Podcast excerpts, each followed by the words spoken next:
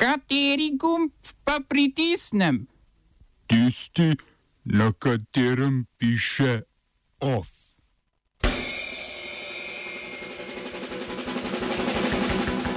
V Indiji sprejet sporni zakon o državljanstvu. Volitve v izraelski kneset zopet marca prihodnje leto. Mandat za sestavo nove španske vlade podeljen Pedro Sančezu. Potrjen predlog zakona o finančni razbremenitvi občin. Zgodovinar David Petelin komentira razvoj in zgodovino Ljubljane.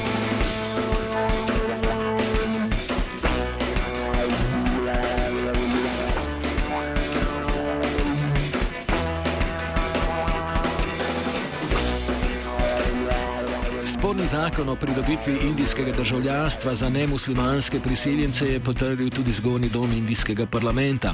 Ta je dal zeleno luč 125 glasovi za in 105 glasovi proti. Po sprejemu so izbruhnili protesti, še posebej hudo pa je v zvezdni državi Assam na severovzhodu indijske države, kjer so se protestniki spopadli s policijo.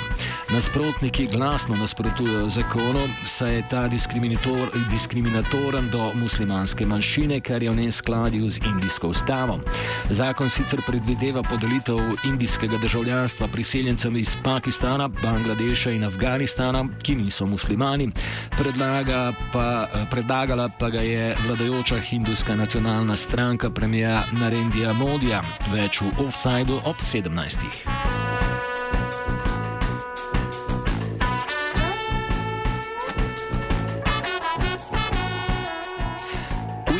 vsaj še štiri mesece ni za pričakovati novih diskriminatornih zakonov, saj vlada že v drugo ni bila sestavljena. 2. marca 2020 bodo v Izraelu potekale že tretje parlamentarne volitve v zadnjem letu. Danes je namreč potekal rok za sestavo nove vlade, ker pa septembrskih volitev. Ker po septembrskih volitvah eh, nobeni ni uspelo oblikovati večine, je izraelski predsednik Ruven Rivlin pozval k oblikovanju vlade narodne enotnosti strank Modro in Belo pod vodstvom Benja Ganca ter Likud, ki jo vodi Benjamin Netanjahu. Predlagani dogovor bi, podolili, eh, bi dodelil deljeno skrbništvo nad stolčkom predsednika vlade. Pogovori so propadli zaradi nestrinjanj o pridružitvi ultraortodoksnih zaveznikov Likuda, šas in združena tora judaizma, časovne razporeditve vladanja, modri in beli pa so imeli tudi pomisleke o sodelovanju z Netanjahujem, ki je bil uradno obtožen zlorabe zaupanja, podkupovanja in poneverbe. V parlamentu so z večino podprli tretji krok volitev.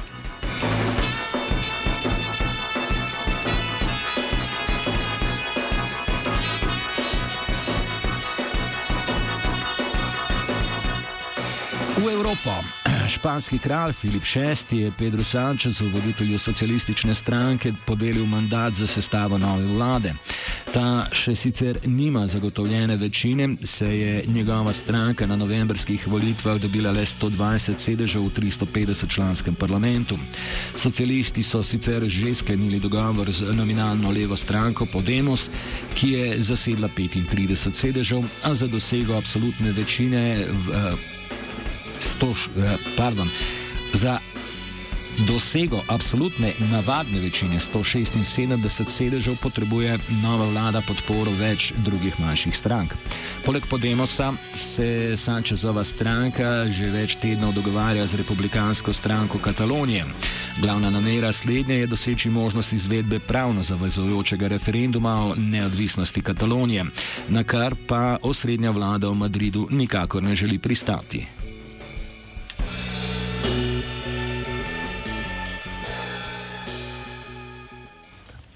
Trije nekdani člani avstrijske stranke Svobodnjakov so na Dunaju napovedali ustanovitev nove skrajno desne stranke, ki bi nekdanjemu voditelju Svobodnjakov, Heinzu Kristijanu Straheju, omogočila vrnitev politiko. Ta je iz političnega prostora izstopil zaradi afere Ibica, ko je na posnetku izražal namero po korupciji. Eden izmed ciljev gibanja je, da bi Štrahe postal vodilni kandidat gibanja na Dunajskih državnih volitvah v prihodnjem letu.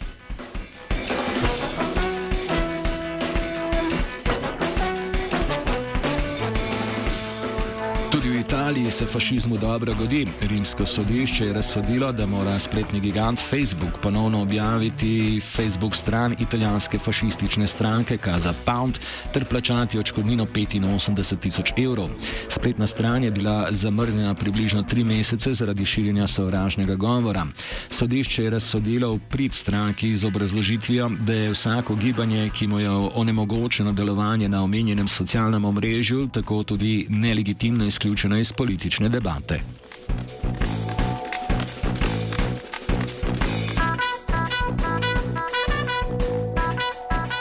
Naprej k Srednji Ameriki. V Hondurasu je parlament večinsko glasoval za zavrnitev dogovora z organizacijo ameriških držav oziroma OAS o podaljšanju mandata njenega protikorupcijskega telesa.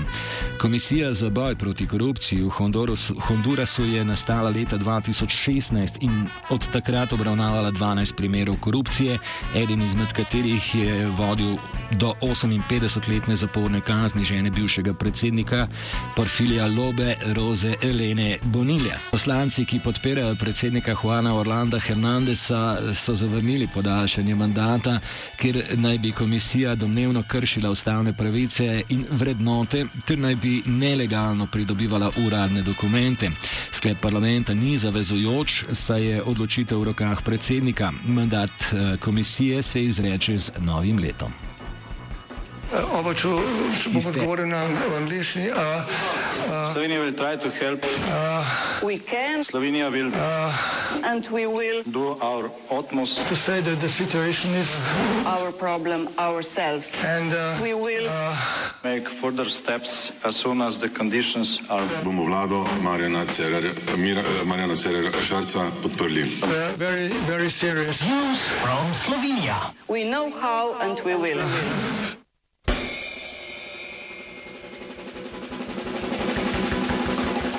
Slovenija. Danes so v žarišču občine. Vlada je potrdila predlog zakona o finančni razbremenitvi občin. Že dolgo obljubljeni ukrep bo država dosegla s plačevanjem obveznosti, ki so zakonsko v njeni pristojnosti, a so jih do sedaj plačevale občine. To so denimo financiranje obveznega zdravstvenega zavarovanja, družinskega pomočnika in mrliško pregledne službe. Tudi administrativne razbremenitve bodo posredno vplivali na znižanje stroškov občin. Finančni minister Andrej Bertoncel je ob sprejemu proračunov za leti 2020 in 2021 sicer napovedal, da bodo občine stroške, občinam stroške znižali za več kot 30 milijonov evrov.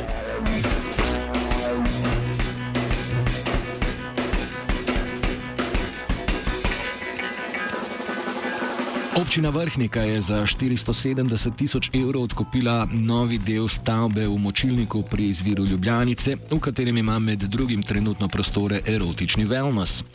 Ob podpisu pogodbe je 20-letni občinski svetnik Jošt Cankar dejal, citiramo, ne vem, kaj bo v močilniku, vem pa, kaj ne bo. Konec citata. Njegov sojmenjak Ivan, čigar branje del je bilo organizirano v sklopu turistične ponudbe v istem poslopju, bi sicer zagotovo raje obiskal erotični wellness, kot pa poslušal svoja dela.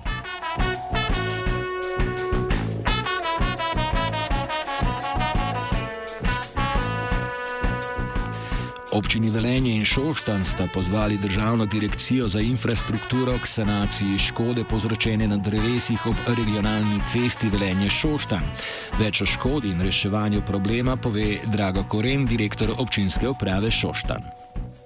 Ta zadeva, ki se je pred kratkim zgodila ob tej eh, državni cesti med Velenjem in Šoštanjem, predvsem tu na odseku nasprot premogov, uprave premogovnika Velenje, je na nek način res grozna. Tu je bilo med cesto in pako en krasen drevored, ki je eh, vrsto let mogel rasti, da je bil tako lep, kot je bil te zadnje čase. Namreč tu gre za klasičen drevored. kjer je imelo vsako drevo dovolj prostora, da je lahko lepo raslo, da so bile oblikovane krasne krošnje. S tem obrezovanjem se se povzročile grozne rane na samih drevesih, dejansko so drevesa uničena. Jaz mislim, da je to sanirati zelo težko, ampak mi mislimo, da bi sedaj morali nasaditi nova drevesa, med te stara, pustiti stara, da bi nekaj časa bilo sorastje starih in novih dreves in ko bi ta nova, novo posajena drevesa zrasla do neke višine, bi se pač odstranila stara. To vidi, tu vidimo edino možno rešitev. Upam, da se bo tako končalo, no? da ne bo ostalo uh, stanje tako, kot je zdaj, ker uh, trenutno je res zelo, zelo žalostna podoba.